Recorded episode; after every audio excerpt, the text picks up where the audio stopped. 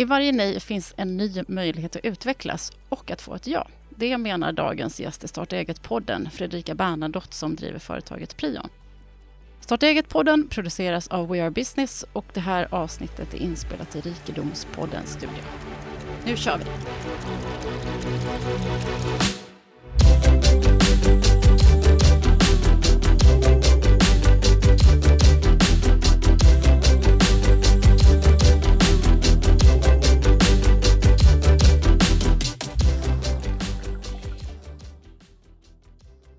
Hej och välkommen till Starta eget-podden med mig, Jasmine Bayramoglu.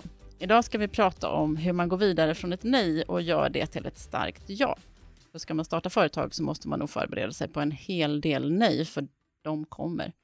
Men som tur är finns sätt att få till en massa ja också. Och dagens gäst vet hur man gör något jättebra av ett nej. Så varmt välkommen Fredrika Bernadotte. Tack så mycket. Du startade företaget Prion Eh, berätta, vad är det ni gör?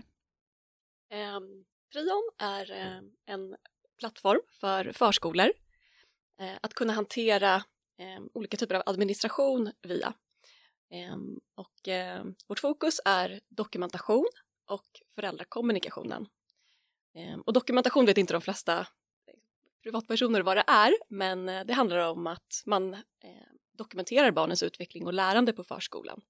Ehm, och det här gör man historiskt sett eh, via fysiska permar och man skriver ut material och gör det här då liksom i ja, fysiska böcker egentligen för barnen och permar.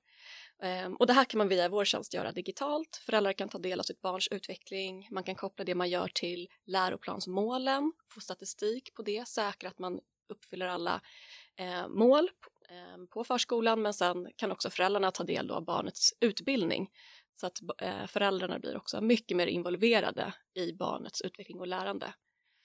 Eh, så det, det, det är liksom vad prion liksom konkret är. Ja. Men det vi, det vi eh, man liksom lyfter ett perspektiv så handlar det om att vi tillhandahåller eh, moderna, effektiva eh, digitala tjänster för förskolan och hjälper dem att digitalisera de momenten som eh, kan göras bättre digitalt. För jag hade ju barn i förskolan, det är ju många år sedan nu, mina barn är ju unga vuxna. Mm. Men eh, så jag var lite så förvånad över att man fortfarande är kvar i det här med permar. Ja. För vi fick ju hem de här permarna och jag tänkte ju redan då, herregud så många arbetstimmar som går in mm. i det här som man faktiskt hade kunnat lägga hos barnen istället. Men mm. det finns ju just i läroplanen med att man ska dokumentera. Exakt, och det här ehm, ty tyvärr så ser det fortfarande ut på det sättet liksom praxis mm. eh, i Sverige som ändå ligger i framkant digitalt i skolan och förskolan eh, globalt sett. Mm. Eh, så att nej, men så ser det fortfarande ut och det var precis den där faktiskt insikten som gjorde att jag började jobba med exakt det här, att jag såg en bekants barns förskoleperm och fick en också aha-upplevelse, mm. bara herregud, gör de det här? Oh.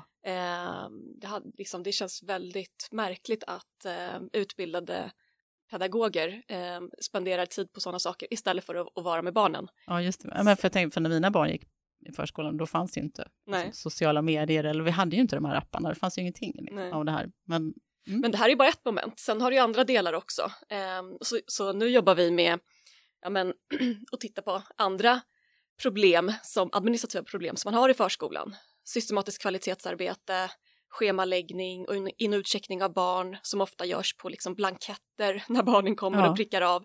Så att um, det finns jättemycket att göra här.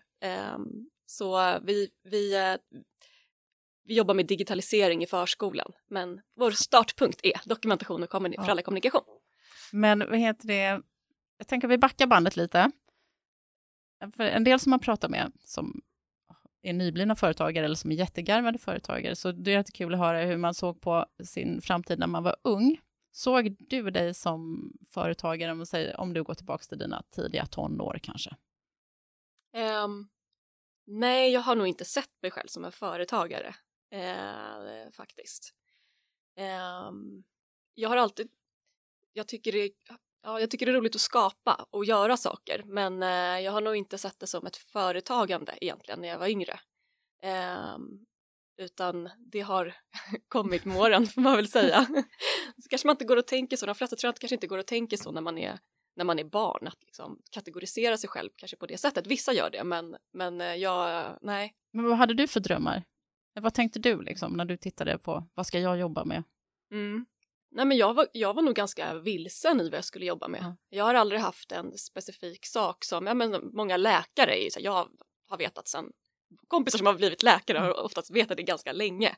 Så typ, eh, men jag har inte haft en sån eh, bild utan Ja, men jag... Skönt att höra tänker jag, för jag vet fortfarande inte vad jag vill bli. Nej, och saker ändras ja. ju så att man får väl eh, liksom, ja. Eh, jag, jag, jag, tror snarare att det finns ganska många olika liv att leva, mm. typer av livsstilar och, och saker. Så jag, jag, hoppas ha, jag hoppas ha flera olika livsstilar under mitt liv. Men du trivs bra i den du har nu? Jag trivs jättebra där ja. jag är nu, absolut. Uh, det gör jag. Men vad är det du som, för du gick ju på Handelshögskolan, sen fick du jobb på Telenor och du hade väl egentligen kunnat landa ett kanonjobb där längre fram om du hade valt att stanna. Men det var ändå någonting som triggade dig mer, som gjorde att du hoppade av. Mm. Vad, vad är det för någonting? Um, jo, men jag kom in väldigt bra på Telenor. Jag började som man management trainee um, och därefter så fick jag jobb på marknadsavdelningen och jobbade med säljkanalstrategi mm. och jobbade ute med och tittade på hur vi skulle utveckla säljkanalerna. Och de flesta i min årskurs ville bli jobba inom banking eller i konsultverksamhet. Mm. Det var liksom standard. Um, och jag kände att det var det enda jag visste att jag inte ville göra. Apropå det här, visste du vad jag ville, ville bli? Ja. Nej, absolut inte. Jag visste bara att jag inte ville in i, i, det. Jag ville inte in i banking och jag ville inte in i konsult. Jag ville tillhöra ett bolag och bli, få bli helt engagerad för en i ett företag och vara kvar där. Um, så därför började jag på Telenor. Men det som hände då när jag började jobba med säljkanalstrategi, då, eh, mitt eh, andra år där, det var att jag började ändå känna mig som en typ av internkonsult och jag hoppade runt och liksom, jag tillhörde då ingen direkt Nej. enhet eh, upplevde jag. Eh, jag kom jättehögt upp i liksom, ledningssammanhang, fick ofta vara uppe i ledningsgruppen och presentera strategiska planer och sånt där. Eh, men det jag då kände eh, efter en tid där var att jag började känna mig lite som en pappersprodukt. Jag var den här som liksom men vad, vad kunde jag? jag, det jag? De planerna jag skapade, de kunde jag göra på grund av att jag var ute och intervjuade andra. Mm. Säljarna, det var de som kunde affären. Det var de som kunde liksom vad som funkar och inte och hur vi skulle ändra det här. Eh, så jag började känna att eh, men gud, jag vill inte bara vara någon sån här mellan, mellanperson som inte riktigt kan någonting själv. jag menar inte att, så upplevde ja. jag i alla fall för, för min egen del. Eh, så det gjorde att jag eh, sökte jobb som jag började fundera på hur jag skulle ändra det här och eh, om jag skulle sluta på Telenor eller och eh, så så slutade det med att jag sökte jobb som butikschef i, på Telenor och blev eh, och fick det jobbet till slut. Det var... Fick du ditt lilla företag? Ja, i exakt. företaget? Ja, ja eh, och det var ja, det var, de säljcheferna var väldigt skeptiska från början. Liksom, ska du som kommer från huvudkontoret och liksom gått den här vägen in, ska du ut i säljet? Det är liksom, det, jag tror jag var den första personen ja. som gick den vägen. Ofta går man tvärtom, du börjar som säljare och så går du upp på säljledare, butikschef och så kanske du kommer in sen eh, centralt. Eh, men eh, jag fick i alla fall jobbet till slut, fick två butiker eh, med två säljteam här på Södermalm i Stockholm och fick, eh, ja, men lämnade kontoret ut i säljet. Och det var precis som du är inne på, det var lite som att driva eget mm. eh, i många dimensioner i alla fall. Den här ansvaret för en business, driva säljet, liksom ändå ansvarig för att nå de här resultaten. Och gjorde man inte det så, ja men då fick man inte, vår lön var provisionsbaserad till största del. Um, så det var liksom en uh, absolut första steget in i det här. En jättebra skola in i företagandet egentligen, ja. låter det ju som. Ja, och ett litet team ja. och vi hade våra mål och vi jobbade tillsammans för dem och jag insåg att jag trivs i det här operativa och jag trivdes väldigt bra i den miljön. Uh, så att uh, ja, det var absolut liksom det som gjorde att... Du är en eh, doer. Ja, jag gillar att göra, ja. absolut. Vi gillar strategi, men inte bara. Jag vill vara där, jag vill genomföra. Ja.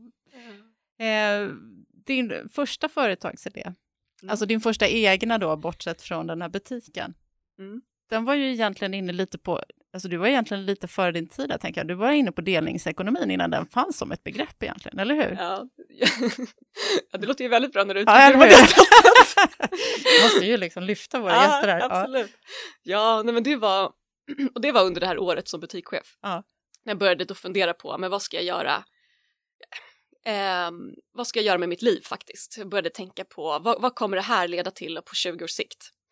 Vad fick du tänka på 20 års sikt? Ja, men Vad menar 10, du? 20, Vad- men på vad- lång, I min värld Ja. var så här, på lång sikt, vart är jag på väg? Ehm, och det var, jag, jag, det var på sommaren när jag lyssnade på Daniel Ek, eh, Eks eh, sommarprat eh, på semestern och eh, det var någonting i det sommarpratet som gjorde att jag började fundera i de här banorna. Mm. Han eh, beskrev sin process eh, innan han började jobba med Spotify och liksom eh, fasen han hade gått igenom. Han hade liksom lyckats med ett bolag innan och sen blev han jättedeprimerad därefter och han började ifrågasätta liksom Mm. varför han gör saker. Ehm, och det där triggade något i mig gjorde att jag började ifrågasätta varför jag gör saker. Varför gick jag på Handels? Varför började jag på Telenor? Mm. Varför, alltså, men det var även alltså, högt och lågt egentligen. Varför är jag på med de kläder jag har? Alltså på den nivån det. Och det gjorde att jag Det började låter jättejobbigt. Ja, jättejobbigt, det var jättejobbigt. Jag blev lite, ja, det var lite jobbigt men samtidigt så var det ju väldigt bra. Och det gjorde att jag började insåg att men vänta nu, varför är jag här, här på Telenor? Vad, kommer, vart, vad, vad är det bästa som kan hända på, på Telenor?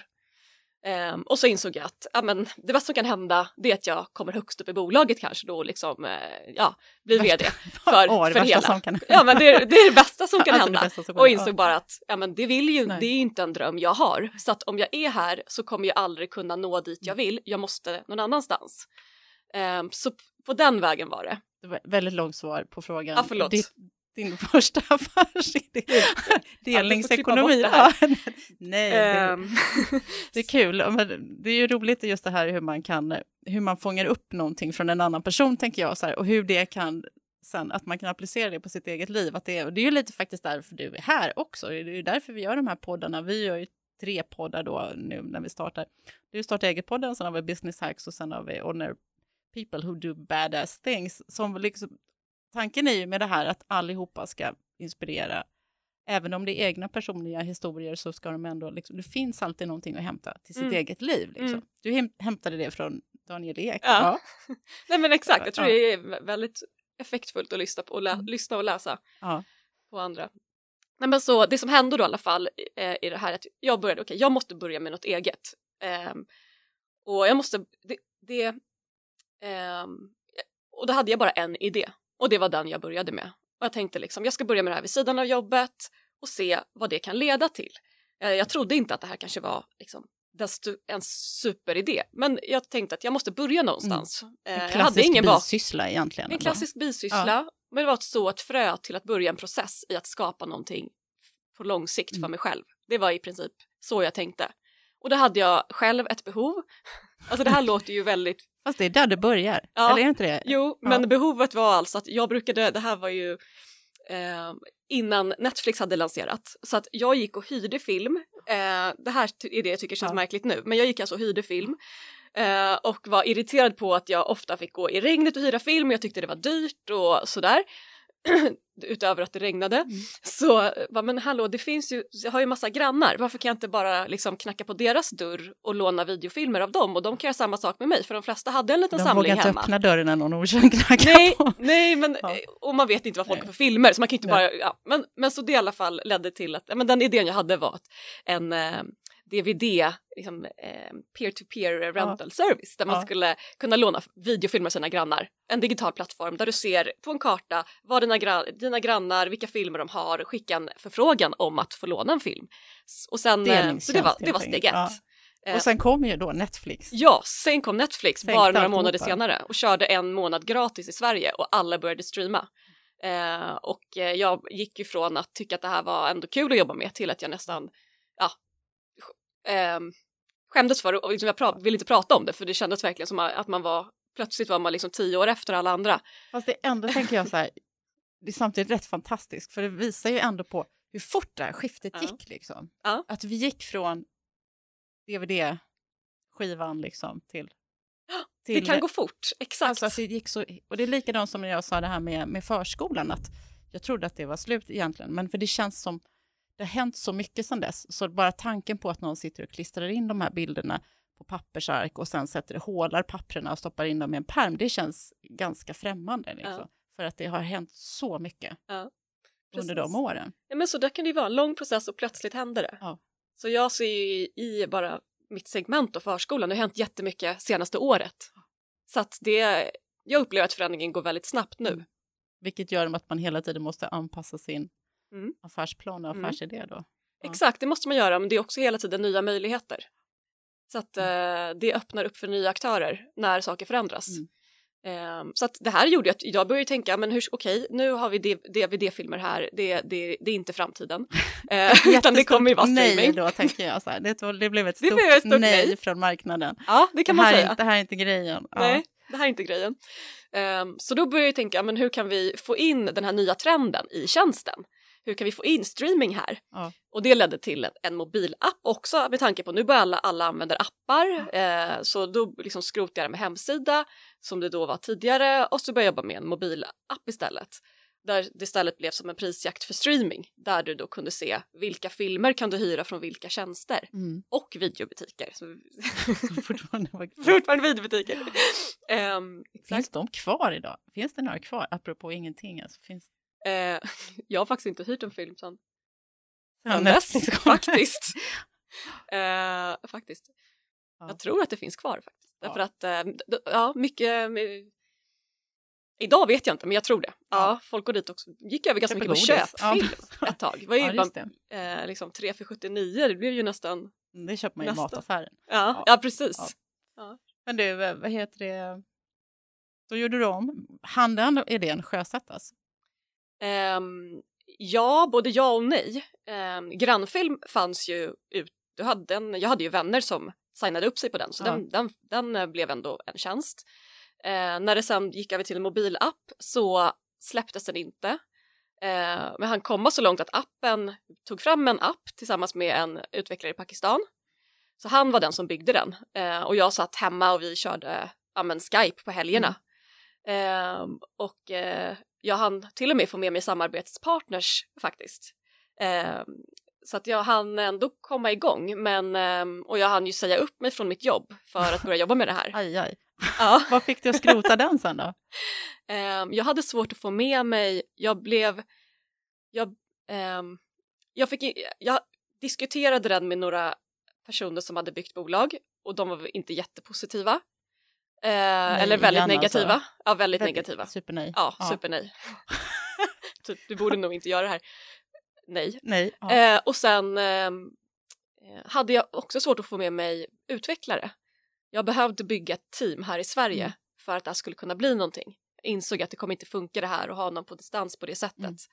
Ehm, så jag träffade massa jag kände inga utvecklare då så att jag började ju mitt första liksom, ett och ett halvt år eh, här var ju mycket att träffa utvecklare och bygga det nätverket för att få med mig någon att bygga bolaget med.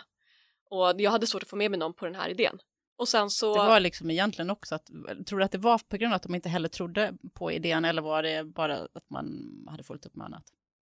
ja, jag, i efterhand så tror jag inte att det var idén i sig, utan jag tror att det var att det var inte så attraktivt då för, för så många därför att jag kommer, de känner inte mig, jag har inga pengar att erbjuda, eh, det finns ingen liksom, bevis egentligen, det är väldigt tidigt, Mm. de, de, de, jag, de flesta utvecklare har ju väldigt bra alternativ, höga löner, bra förmåner, Jesus. många vänner som de har känt sedan de var barn. De var de mest kom- efterfrågade typ Ja. av alla nu. Ja. Ja, exakt. Och många av deras vänner eh, har säkert redan försökt få med dem på olika grejer. Så det är ganska svårt att komma bara från utomstående och be någon att ta den risken med dig.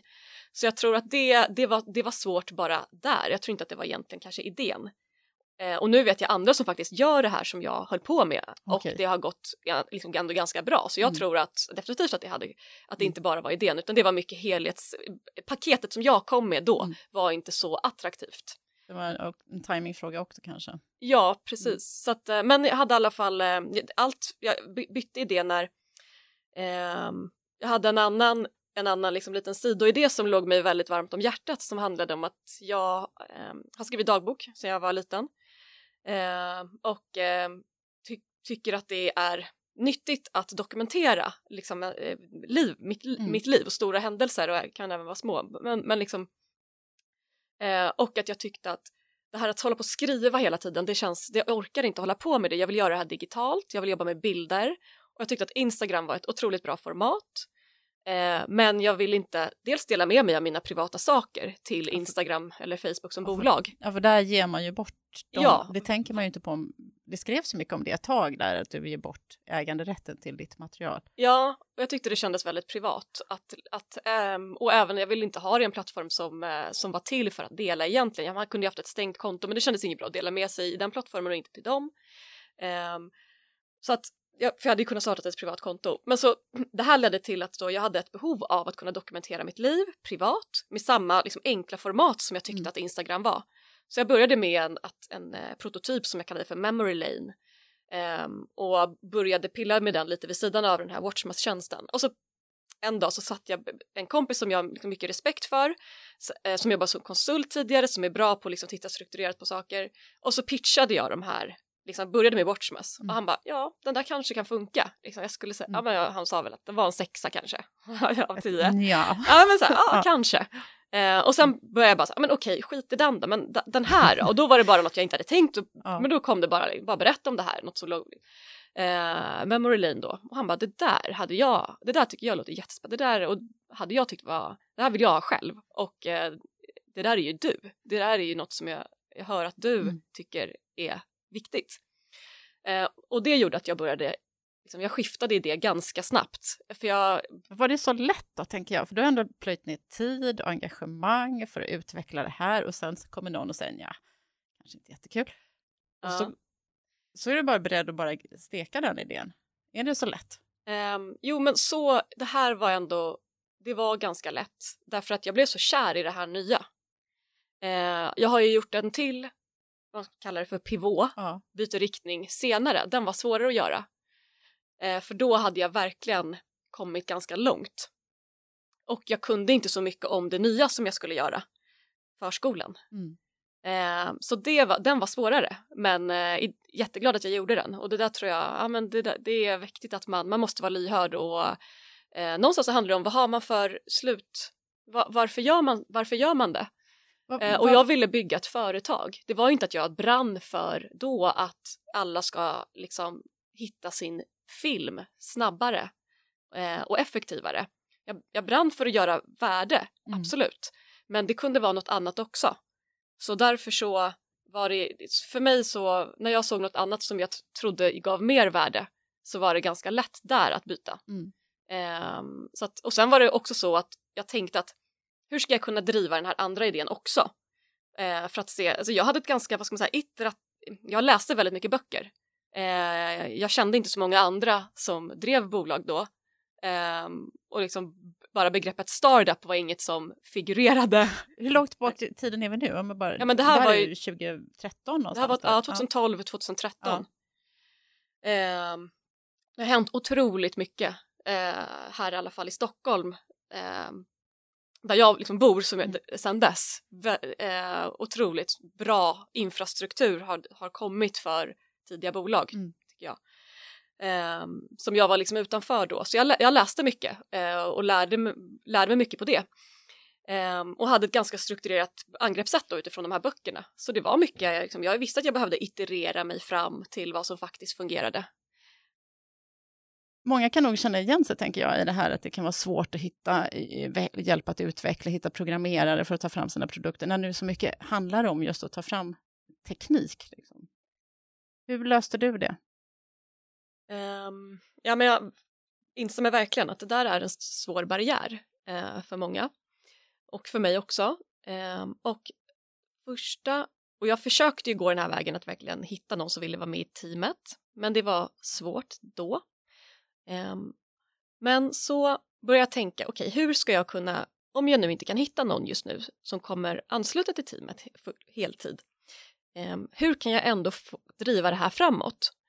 Eh, och då hade jag ändå kommit ut att jag hade skissat upp det här. Eh, jag kunde testa liksom i powerpoint-versioner. Ehm, Hade du omskapat idén då till förskola mer, eller var fortfarande inne Nej. på bilderna? Ja. Ja, eh, precis. Då var vi fortfarande inne på bilderna. Och eh, jag började tänka, okej hur kan jag få fram en, eh, driva det här framåt? Och så bara fick jag en, en idé plötsligt när jag var ute och, eh, och, ja, men, och funderade på, gick på en promenad och funderade på det här. Eh, och så plötsligt så bara kom jag på att ja, men gud, de här utvecklarna som jag har träffat, eh, där vet jag att många åker på hackathons. För jag hade ofta googlat dem innan mm. och tittat på, ja, men, försökt tänka mig in i vad de skulle vara intresserade av och liksom studerat dem lite och då så, så, såg jag det här med hackathons. Så bara, men hackathons, ja ah, men okej, de, de bygger saker, eh, liksom appar, eh, bara för att de liksom tycker det är kul och, och utvecklande för dem själva. Och det kan man bara flika in att hackathon, om man inte vet vad det är för något, alltså de dygnar i princip och bara spånar kring lösningar och plockar, och plockar fram en prototyp på nolltid. Exakt, så att man har en begränsad tid på sig att slutföra någonting. Um, så det, det ledde till att jag bara liksom direkt där under promenaden ringde en av de här utvecklarna som jag hade då träffat tidigare och eh, som, jag, som jag tyckte om och eh, liksom bara hej, eh, du eh, eh vill inte hoppa på eh, idag och jobba med, med mig heltid men ehm, eh, och ta den risken. Men du åker på hackathon och, och har jag sett och, eh, och, du, och du tycker det är kul att programmera och bygga nya lösningar. Ja men exakt ja men kan inte du och jag ha ett hackathon och så kan, eh, kan du bygga en prototyp om det här som, ja. men den här idén jag ändå pitchat till dig som han tyckte var ändå spännande.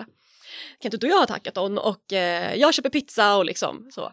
Eh, han bara, ja men det kanske vi kan göra och liksom vi la fram det som att inga commitments därefter utan bygg det här eh, det blir roligt och jag kommer liksom ta det här och, och, och, bygga det här vidare och du får ju alltid vara med om du vill liksom, mm. sen. Um, och um, liksom istället för att åka och göra någonting som inte kanske någon ska använda sen så ja. fick han göra, göra någonting då som riktigt skulle projekt. Använda. Ja, exakt. Och med den nya, det nya angreppssättet så kunde han säga ja. Det var han liksom beredd att göra. Och, tack, och genom det sen så fick liksom, han tog kontakt med andra utvecklare som liksom kunde bygga. Du fick ett team gratis. Ja men i princip. Sen, så, sen hände det massa grejer så det blev inte exakt så här ändå. Men det ledde, men vi fick fram en prototyp. Vi fick fram en prototyp för, eh, för iOS som, eh, där man kunde göra de här mest grundläggande funktionerna. Och det här var jätteviktigt för det gjorde att jag kunde börja testa det här eh, på riktigt med riktiga användare. Bra sätt att komma liksom, en ganska bra bit på vägen. Som det, även om det inte är hela vägen fram då, men det är ändå att komma så långt som ni faktiskt kan börja testa mm. utan att behöva ha den här stora pengapåsen. Otroligt kreativ lösning. Ja, det gäller att hitta det här så att liksom, vad, vad är den här personen beredd att ge och vill ge som den också tjänar på mm. någonstans eh, och vad är det vi behöver? Så det gäller ju hela tiden tänka så, att hitta den här liksom, matchningen mm. i när båda får ut det som, som, eh, man, som de behöver. För du hade väl sen egentligen lite grann samma angreppssätt när du väl satte ihop ett team sen också, eller? Um, Ja, alltså så här, det här var ju första prototypen, ja. så här fick jag fram, det kostade ingenting. Eh, och jag gjorde, gjorde tog, eh, i princip på liknande sätt, fick fram nästa prototyp och så där höll det på. Eh, och ehm, sen så ledde det här till att en app till slut kom ut i App Store. Och alla kunde börja använda den här. Och då var det eh, en, en av de viktigaste sakerna skulle jag säga, i alla fall i den här uppstarten, var att, att eh, en av utvecklarna eh, som heter Tobias, han började använda appen i sin familj för att dela bilder. Och den fastnade direkt och hans familj ja, men tyckte att den här var väldigt bra mm. och han blev jätteförvånad för hans familj var in, inte superdigital, eh, hela gänget. Eh, så han, så, ja. Så um, det här ledde till att han ändrade sig och kände att jo men okej, gud vad kul att få jobba med en produkt som eh, jag själv använder varje mm. dag det är inte så många tjänster som man använder varje dag och inte ens som utvecklare. Mm. Han kunde ju välja och vraka liksom vad han skulle göra. Men här fick han en chans att vara med väldigt tidigt, starta upp någonting och utveckla något som han själv har behov av. Um, så um, det ledde till att vi partnerade upp och började jobba tillsammans. Uh, I början väldigt förutsättningslöst, uh, inga avtal utan vi sa bara liksom vi är det rätt så är det rätt. Vi mm. börjar, vi börjar jobba. Eh, så han börjar jobba halvtid vid sidan av sitt jobb som eh, utvecklingskonsult. Mm. Satt hemma hos varandra i, i varandras soffor ja. med liksom kuddar på benen och datorerna i knät och bara liksom byggde appen. Um, För det laget var du nästan halvprogrammerare själv också om jag det. Nej, det var jag absolut inte. Men jag hade definitivt eh, jag hade läst programmering själv och börjat lite smått ja. och jag hade framförallt så um, hade jag eh, jobbat så nära utvecklarna i de här stegen mm. innan mm. för att kunna få ut en app. Jag hade gjort liksom alla wireframes, jag hade byggt upp appen i andra program som inte var kodning men ändå liksom det, det var 180 wireframes, alla kopplingar, allt tänk kring hur saker ska hänga ihop, designen och sen varit med och byggt fram det här stegvis och buggtestat allt hela tiden. Alltså så att Eh, och i och med att jag inte haft så mycket pengar så har det ju liksom då blivit att jag har behövt hitta sätt att jag, jag har behövt göra så mycket som jag kan själv och, och, och så att den externa hjälpen jag kan få då, mm. eh, det, de måste bara fokusera på att bygga. Så att, ja, jag har kommit väldigt nära utvecklingen men eh, jag har i princip inte kodat en rad i prion så jag ska, det får jag inte ta åt mig någon cred för. Eh, jag men... tänker ändå att det du tvingades lära dig för att du faktiskt inte hade då kapitalet eller möjlighet att bara beställa jobbet. Liksom. Mm. Eh, vad vill jag säga med det? Jo, jag tänker att det har ju ändå, måste ju ändå ha gjort att du kan liksom ställa så mycket högre krav att du, att du fattar faktiskt mycket mer om din egen produkt Absolut. än vad du hade gjort annars. Att man kanske ser på det på ett annat sätt Absolut. Jag, och ser möjligheter på ett annat sätt. Ja, och det jag, jag har lärt alltså det har varit jättebra så att jag tror att det här är extremt, eh, alltså, jag är ju väldigt produktnära. Eh, jag sitter ju fortfarande och skissar upp vad vi ska mm. bygga eh, och är, har djup, liksom, djupgående diskussioner om hur det här ska byggas. Mm. Um, så att uh, jag tror definitivt att det där är väldigt bra, det hade jag inte kunnat gjort annars. Och också att jag har en förståelse för, för, eh, för utvecklarna. Uh, det är ganska svårt om du inte har någon förståelse för programmering alls, mm. att vara en, en liksom bra motpart. Uh, det är, ja, man måste ha en stor respekt för deras arbete. Mm. Um, för att de, ja, um, och de utvecklare som jag har jobbat med, vi har också haft väldigt olika personlighetstyper. Vi är bra på olika saker.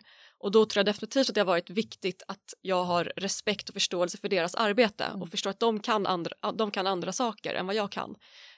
Um, så där, det där tror jag, den här ömsesidiga respekten mellan uh, sälj som jag liksom framförallt fokuserar på och tekniken är väldigt viktig. Men du, det här med att, ni att han kom in i företaget, Tobias, eh, ni kände ju inte varandra egentligen sådär himla väl om jag förstått det rätt. Det där är ju väldigt speciellt. Andra väljer att starta företag med sina kompisar och tycker man kan varandra innan och utan. Som så här, vilket man kanske inte alls kan för att man sen visar sig att man jobbar i helt olika tempo eller man har olika förväntningar och man är beredd att offra mm. olika mycket när man väl går in i någonting. Hur har det funkat för er? Um, men det är helt rätt, vi kände verkligen inte varandra. Uh, vi har alltid enats i uh, prion, i bolaget. Uh, vi har alltid liksom diskuterat vad är det bästa för bolaget. Eh, och sett det som att vi som personer är inte viktiga utan vad vi tycker och liksom har man olika åsikter om någonting så är det bara men okej vad säger kunderna, vad, vad, vad behöver prion? Det har alltid varit en, en enande en liksom nämnare mm. som vi har nyttjat i många situationer. Ja. Så det, det, ja, och sen, men jag tror också det här att därför så började vi utan att göra en så stor grej av det. Vi började bara jobba och se hur det går. Um, så vi jobbade ihop förutsättningslöst några månader innan han faktiskt han köpte in sig och vi skrev ett aktieägaravtal och liksom formaliserade mm. allting. Och sen har vi också haft, vi är ju också då väldigt olika personlighetstyper, extremt olika. Uh, men vi är båda väldigt raka i dialoger och ganska orädda att, att, uh, att uh, prata och säga vad man tycker. Och det, har det är någonting som, som uh, har varit kärnan hela tiden. Att ni inte tar det som personlig kritik Nej. heller då? Ja. Nej, och det är för att vi hela tiden, vi kommer alltid tillbaka mm. till, vi ta, jag tar upp det här med dig för prions bästa på grund av det här och det här. Uh, och liksom genom att alltid ha en god intention mm. i det gemensamma och att hela tiden prata om saker. Om man tycker, i, alla dimensioner, så vi, ja, väldigt rak kommunikation, det, kan, det, det har, uh, har hjälpt oss just i mm. att ändå, trots att vi inte känner varandra så väl så har det gjort att vi lärde känna varandra ganska snabbt. Vi, jag tror vi känner varandra, lärde känna varandra snabbt genom den dialogen. Eh, sen har det ju hänt massa grejer i bolaget så att just nu, alltså han jobbar inte heltid med Prion längre utan nu är det andra utvecklare. Men han är fortfarande med på ett hörn. Ja. Eh, men eh, ja, det har hänt jättemycket sedan dess. Men vi har fortfarande en, en, en jättebra, jättebra relation mm. och eh, ja, jag är otroligt glad att han hoppade på i, i det ja, läget. Ja. Eh, ja, kommer jag alltid vara. För du sa ju att sen var ni tvungna att göra den här pivån som blev jobbig liksom. Vilket skede var det? Det var, det var efter att han kom in i alla fall. Ja. Absolut, det var ju, då hade han eh, varit med i över ett år. Okej. Och då insåg ni samtidigt att det här, vi måste tänka om? Um, det var en process. Vi, um, vi satsade ju stenhårt på Alltså vi skulle bli en privat, eh, i princip Instagram. Mm. Vi satsade ju stenhårt på det. Eh, och vi visste hela tiden att för att komma dit så krävdes det massa saker. Eh, vi behövde ha väldigt hög återkommande grad bland våra användare. Mm. Vi behövde ha väldigt hög viralitet användare, alltså i, eh, för nya användare. Och med, så att vi, vi visste att det var saker vi behövde bevisa för att komma dit i slutändan. Så vi hade ett ganska ändå strukturerat arbetssätt där vi fokuserade på olika KPI hela tiden. Så det blev tydligt för oss att vi behöver liksom ändra saker tills Mm. de där sitter. Ehm, så, och sen under den här, det här, vi tog in externt kapital. För just det, för ni sökte ju som jag fattade som medel hos Almi först då, och ja, fick inte något gehör där. nej, Och sen så gick ni vidare ja, och fick från några superinvesterare. ja. Jag träffade ju jättemycket investerare. Så det som hände var ju att eh, Tobbe hoppade på, vi började jobba, jobba och utveckla appen men vi insåg att dels var mina pengar slut Eh, så att för att jag skulle kunna fortsätta, jag körde ju heltid, Mm. eh, så behövde jag pengar och Tobbe, vi insåg att han måste börja jobba heltid. Det funkar ju inte att ha någon som Nej. utvecklar liksom på halvtid. Vi behövde till och med fler utvecklare. Så då insåg vi att för att det här ska bli någonting så måste vi ta in kapital. Hur Ehm, gjorde du då? Hur tänkte du när du sökte? Ja. Ehm, jag hade ju inte gjort det tidigare så eh, jag pratade med andra entreprenörer eh, som hade gjort det Mm. och ehm, fick, ja, men, försökte lära mig så mycket som möjligt om hur de hade gjort. Och kontaktade, um, ah, egentligen så, alltså jag, jag gick på faktiskt, ehm, vad ska man säga, på, på, på skala. Jag kontaktade många, jag Ja. träffade väldigt många investerare. Var det lätt att få till mötena? Eh, det det var ju ett jobb att få till mötena, Ja. så det handlade ju om att ta möten för att få möten. Eh, att eh, läsa mycket om investerarna och, och tänka själv. Varför borde de här investera i Prion? Varför skulle de vilja början, träffa eller mig? fattade du det efter ett tag? Nej, men det, det var för mig ganska tydligt Mm. att eh, var, eh, varför ska de här ta ett möte med mig? Mm. Det, det kände jag direkt när jag skrev, började på ett mejl. Så bara, men jag kan ju inte bara be den här om någonting. Jag måste ju förklara liksom varför eh, någonstans. Och det behöver inte alltid vara för att prion är intressant för dig, bla bla bla. Det kan också vara, jag har sett att du har gjort det här och det här, jag försöker göra det här. Har du möjlighet skulle jag uppskatta det jättemycket. Alltså att ändå någon form av rational varför de ska ta sig den här tiden. Ehm, och sen var det ju, då hade jag ändå hållit på ganska länge, bara det här liksom från uppstart och framåt, så jag hade ju hunnit bolla med ganska många liksom andra entreprenörer som jag också bara hade tagit kontakt med för att liksom få bolla saker. Så det var mycket introduktioner via andra entreprenörer som jag lärt känna under tiden.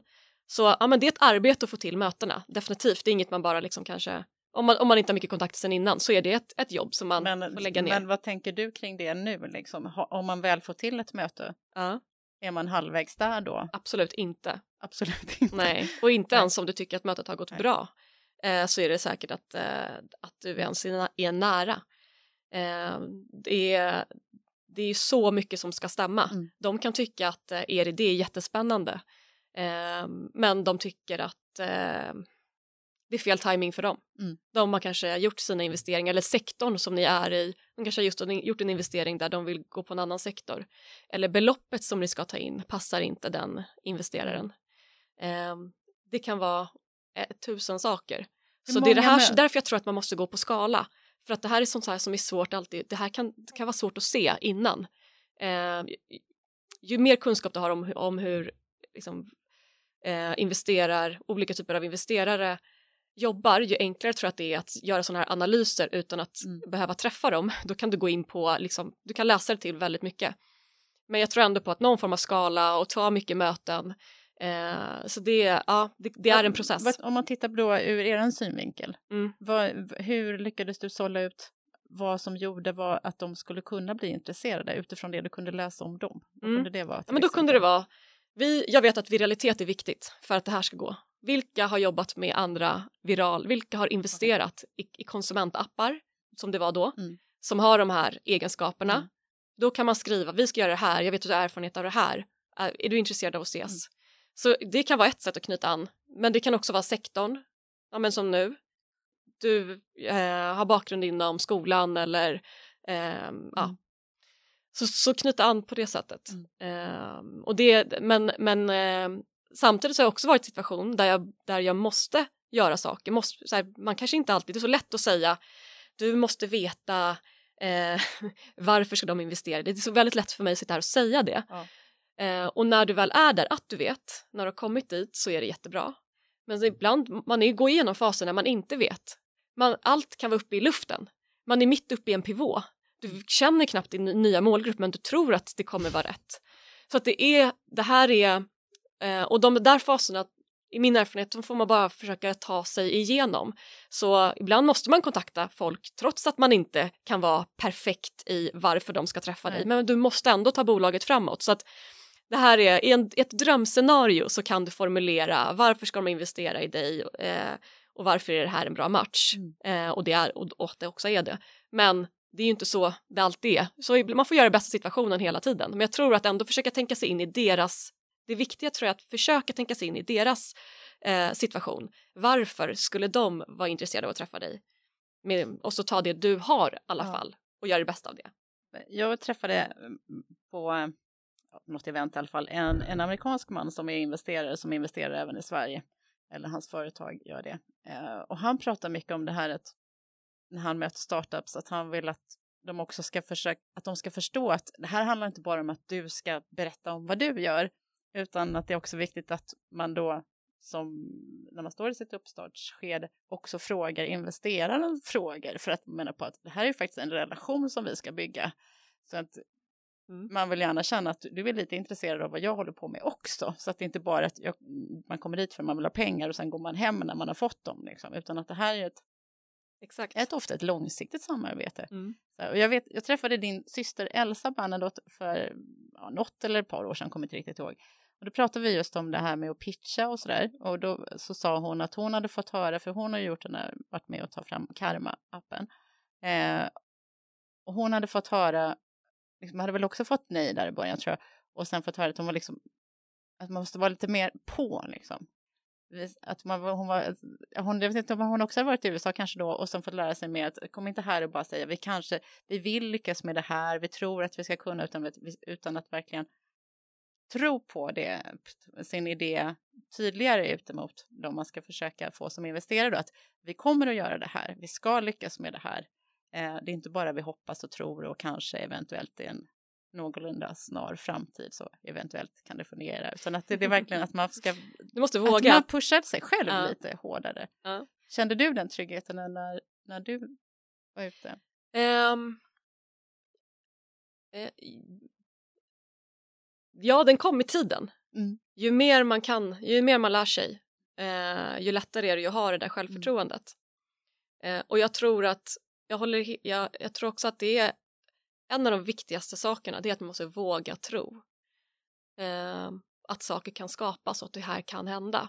Det är jätteviktigt att man vågar förmedla det. Mm. Och att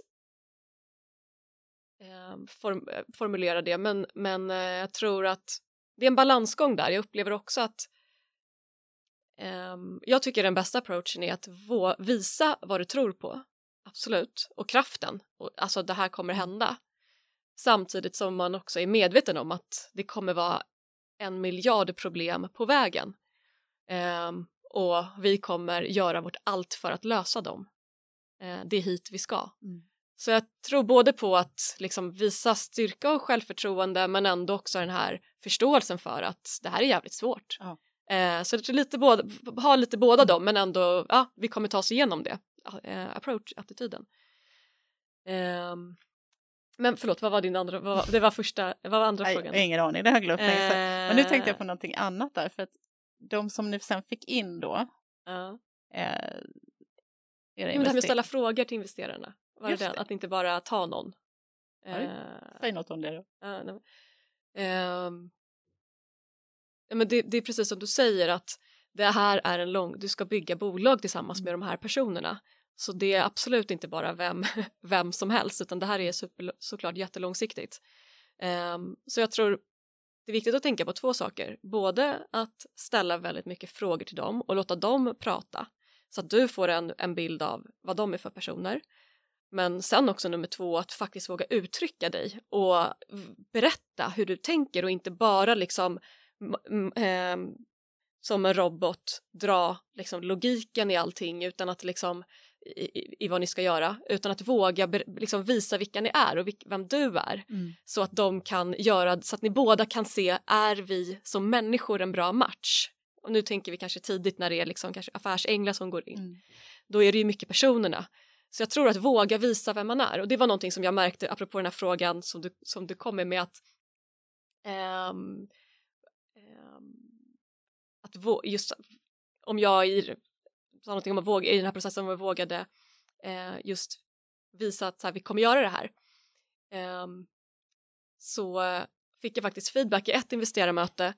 Så jag hade träffat ett par investerare, jag kände att eh, var, ja, eh, och och det kändes inget bra? För, eller, nej, men för varje ja. möte så, så gjorde jag pitch, eh, hade jag då ett så här, man för pitch deck ja. som jag presenterade och för varje möte så gjorde jag det bättre och bättre och bättre. Allt som jag, efter varje möte så förbättrar jag utifrån mm. feedback som jag hade fått så jag alltid försöka få feedback från de man träffar. Mm. Eh, och förbättra det och eh, liksom det jag inte hade svar på få in det. Men då hände det någonting i, i ett investerarmöte när jag hade dragit det här och hon liksom bara tittar på mig och bara jag vill inte ha någon handelspitch. jag bara, eh, okej. Okay. Hon bara, du, du, du måste, jag kommer inte ihåg exakt hur hon formulerade det men i princip så sa hon, jag vill veta varför du och dina kompisar kommer använda det här. Jag vill inte ha all den här rationalen för att det här är jättehög risk i det här projektet. Eh, liksom, eh, var inte så by the book. Ja. Och när och hon tyckte att, jag tror hon till och med nämnde något om att vara lite passionerad och jag kände ju efter när jag gick därifrån, jag var jätte liksom, frustrerad för att jag är så, var, så, var och är så otroligt passionerad ja. så jag måste ju nästan lägga band på mig ja. för att det liksom annars blir jobbigt. så jag bara, men herregud hur kan hon inte, okej okay, där, nu har vad, vad håller jag på med? Ja. Det där var ju, oj. Um, så det gjorde att jag faktiskt ändrade lite approach i kommande möten och jag liksom lite mer istället för att försöka minska risken i att, och förklara varför det här kommer fungera väldigt ja. rationellt så var det snarare så här ändra approach och sa eh, det här är ett jätteriskfyllt projekt, eh, jag vet det, vi vet det, vi tror på det ändå av de här skälen och liksom bara plain out precis så mm. som det var. Varför gör vi det här? Och varför tror vi på det? Trots det här. Istället för att försöka förklara, det är inte så mycket risk i det här hit och dit på grund av, utan istället bara ja, var helt öppen med det, men vi tror på det. Eh, och sen började, det då? Ja, jag, svårt att veta men jag upplever att jag fick mer kraft och jag blev, jag blev mer jag. Jag började också vara mindre business i mötena, mm. mer liksom bara en person. Eh, och också i, ja, men även mejldialoger, våga vara mer personlig. Mm. Eh, så det var, eh, så jag tror på att våga man måste våga uttrycka, uttrycka vem ni är och bolaget och vad ni vill. Um, och försöka inte vara, var inte, försök inte vara allt för rätt för, för investerarna utan var, det är lätt, ett lätt råd att säga men försök att vara de ni är. Ja, man ska vara sig det. själv. Ja. ja, och visa vilka ni är. Det är lite roligt, roligt det här ändå, ändå så att det var inte så handelsmässigt. ja, det var jätteroligt sagt. Jag, jag, har en aning om vem det kan vara, jag tar det sen. Då har vi stängt av.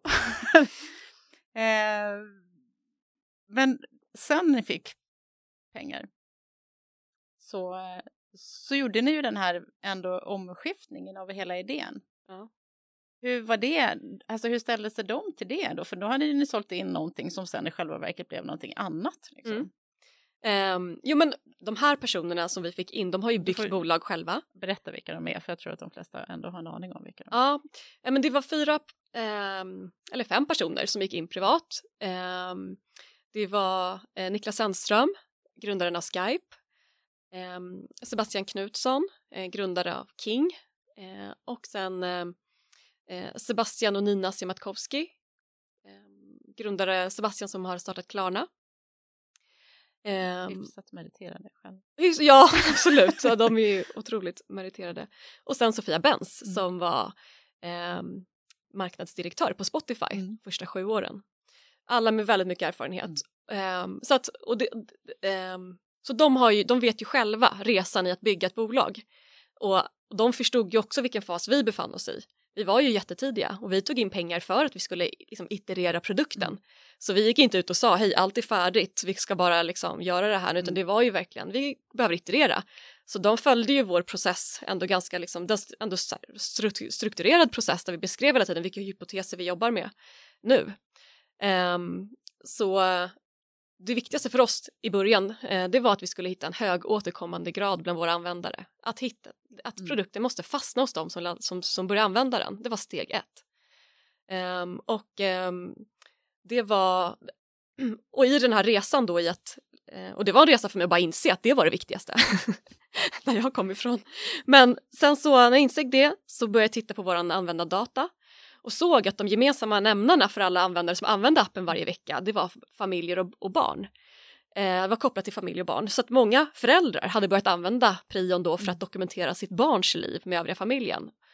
Och det ledde till att vi fick upp ögonen för det segmentet. Så i början så pivoterade vi till småbarnssfären. Och sen lärde vi oss därifrån om förskolan. Det var många föräldrar som hörde av sig. mötet med ditt, din kompis? ja, det kom med. också i det. Jag ja. hade många som hörde av sig, föräldrarna, och sa att det här skulle vara perfekt för min förskola. Men jag hade själv inte barn i förskolan och förstod inte alls det här och tyckte att vadå, pedagogerna har väl inte tid att dela bilder med föräldrarna. Jag, hade svårt att ja. liksom förstå. Um, att det verkligen var någonting. Um, så, um, så det var först när en bekant till mig tog med sig sitt barns dokumentationsperm till en lunch och jag fick se den här fysiska permen som poletten trillade ner och jag bara herregud, sitter de och gör det här? Mm. Vilken slöseri på viktig tid. Mm. Eh, det, det och prion skulle ju faktiskt lösa det här för dem idag. Så jag gick tillbaka till kontoret direkt och liksom gick med i grupper för förskollärare på Facebook, postade ut, är det någon som vill testa en kommunikationstjänst för föräldrar och förskolor? Och inom liksom, tre timmar hade 30 förskolor hört av sig. Wow. Och, ja, och jag liksom bara wow, det här är faktiskt ett riktigt problem. Mm. Eh, och ja, men vad spännande. Så då eh, satte vi upp en pivot, eller förlåt, en pilot med tio förskolor som testade appen live i verksamheterna under ett antal månader. För att då hade jag ändå kört ett tag och blivit lite mer kritisk hela tiden till saker och liksom att så här, vänta nu, okej nu verkar det här funka, men hur mm. vet vi att det verkligen funkar? Mm. Eh, så jag, ja, eh, jag ville, så det var en period där när vi, liksom, vi var lite i limbo mellan olika segment och, men vi körde den här piloten och den kändes till slut jättebra. Så att våren 2017 så bestämde vi oss, nu är det förskolan som gäller. Um, hade, 100%. Du, hade du pratat med investerarna innan eller för, först efter? Ja men jag uppdaterade de dem löpande ja, okay, i vad vi höll var, på med men ja. Eh, sen plötsligt så, det är ju ändå så det är ju vi som driver bolaget så eh, de eh, tycker jag har gjort helt rätt i att de har aldrig gått in och sagt vad vi ska göra Nej. utan de kan komma med liksom det där verkar klokt eller det där risk där. Mer på det sättet. Mm. Eh, och de visste ju att vi också behövde hitta ett, de var väldigt med att vi ska hitta ett segment att växa ur. Så mm. börjar de flesta tjänstemän börjar någonstans och, eh, och gör någonting som är väldigt bra för en målgrupp. Och sen kanske man stannar där eller så går man vidare. Eh, och jag hade väl tänkt att ja, men vi börjar i förskolan men eh, ja, eh, jag tyckte att det kändes superlitet när vi började. Från att ha haft hela liksom, världen som sin mm. marknad till att förskolan, som, ja men det kändes pytteliten men eh, den har växt på oss något enormt och nu, eh, nu är det liksom hela, hela vår värld. och jag tycker att det är hur stort som helst och ser jättemycket möjligheter. Eh, och så att, ja, både i Sverige och utomlands. Ja. Eh, behovet är ju globalt. Barnomsorg finns ja, i, alla, i, alla, i alla länder med barn, eller på säga. Nu, var har de barnomsorg som i Sverige? Ja, men det börjar ju ändå växa också. Absolut, och vi har ju även dagmammor, så det är mm. inte, vi pratar ju om förskolan för det är det vi fokuserar ja. på, men egentligen är det all typ av barnomsorg. Så är det bra timing med det här också om man tänker på GDPR och sådana här prylar? Mm. Ja. ja. men det tror jag. GDPR har ju definitivt varit eh, en, liksom en bra, bra för oss i att förskolor har börjat, man måste, man måste jobba strukturerat med hur han, vad man gör med personuppgifter, hur man delar saker. Du måste ha system mm. för saker. Så att det har varit jättebra. Och det har också varit lättare att få gehör på kommunnivå när alltså, sen GDPR kom. Så vi GDPR får ju kommunen... så får alla stora hickan liksom. Ja, ja, ja men absolut. Vi är fortfarande ganska tidiga i det så att mm. vi, det är väl fortfarande så att alla är lite på tårna. Eh, men eh, ja, det har varit bra. Jag, jag tycker att det är en bra att det kommer. Men du, Fredrika, toppen. Eh, jag tänker att vi ska avrunda vårt samtal lite grann. Eh, jag har ju bett dig att förbereda dina bästa tips på hur man fixar finansiering. Vi har ju redan varit inne på massa saker, så det, men jag tänker, kan du bara konkretisera fem saker, kanske upprepa eller, eller om du har något nytt i? Ja. Um, yes. Jag har inte liksom fem som jag bara kan säga på rak men jag ska försöka. Jag börjar med bara... Ja, um, ja, men för det första så är det, skulle jag säga att det är ett hett tips, det är att ta fram någon form av, man kallar det för pitch deck, en presentation som går igenom de olika delarna. Vad är problemet ni löser? Hur löser ni det?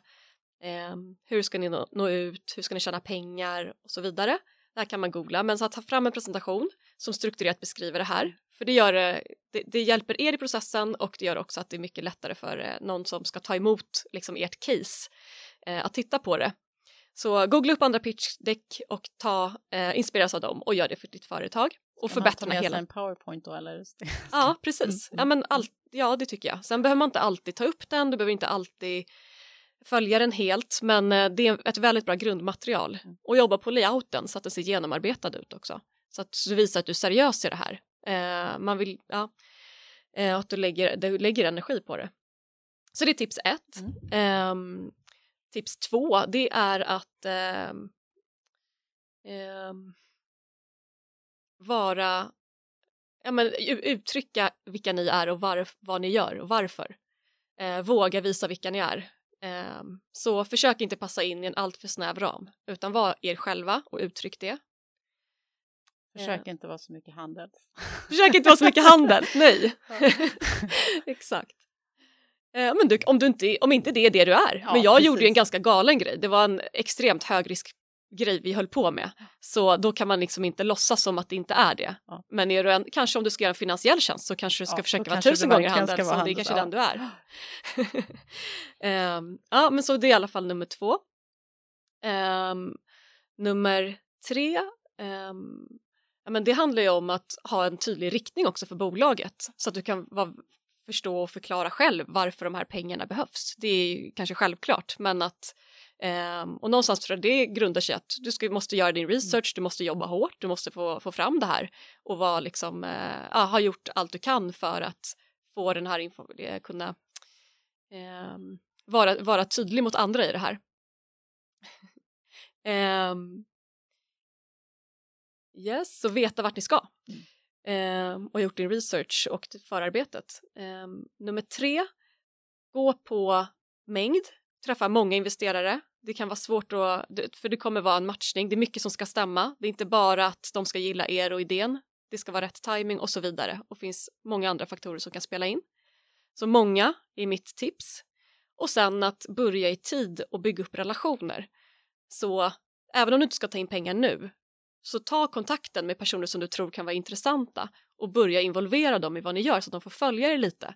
Därför att det är ungefär som, som vilket projekt som helst som kommer pågå under lång tid. Du vill ju bara gå in i det när du har, känner att du liksom ja, men har lite koll på vad det här är och det tar tid att bygga upp. Det är hur bra man än är i ett möte och hur bra connection man än får så minskar ändå risken för båda parter om man har haft lite dialog över tid. Vilket betyder att man ska ha tålamod då innan någon säger du får pengarna. Liksom. Ja, definitivt. Mm. Eh, verkligen. Det, det, det, det är inget som sker över en natt Nej. utan det, det kan gå väldigt snabbt i slutet men ofta så har det byggts upp över tid. Så att eh, ja, det är väl några så spontana fem tips som jag kommer på. Men sen också, ja, be alla om ett sjätte tips, be om eh, nya kontakter för ja. de du träffar, varje investerare. Även om de säger nej så är det ju ändå, se alltid varje möte som att nu har jag kommit ett steg längre. Jag har fått mer information. Fråga alltid dem vad de tror är de största riskerna. Vad är möjligheterna? Vad gillar de här? Vilka andra skulle passa caset? Eh, vad behöver ni bevisa för att de ska vara intresserade? Alltså så, här, så att mm. du liksom ändå kommer vidare så mycket du kan. Så även om du har fått ett nej så har du ändå, kommer du ändå gå därifrån och känna yes, vi har kommit vidare. Perfekt, det rundar ju av helt fantastiskt bra med tanke på att jag sa att vi skulle prata om hur man får ett nej och bli ett ja. Superbra och jättekul att du kom hit Fredrika, stort tack! Tack så mycket! Starta eget-podden gör det enkelt att starta, driva och växa som entreprenör och företagare. Följ oss på Podcaster, iTunes, drivaeget.se eller var du nu väljer att lyssna så att du inte missar något avsnitt. Och nu avslutar vi det här underbara samtalet med lite musik från Soundrew. Hej då! I can still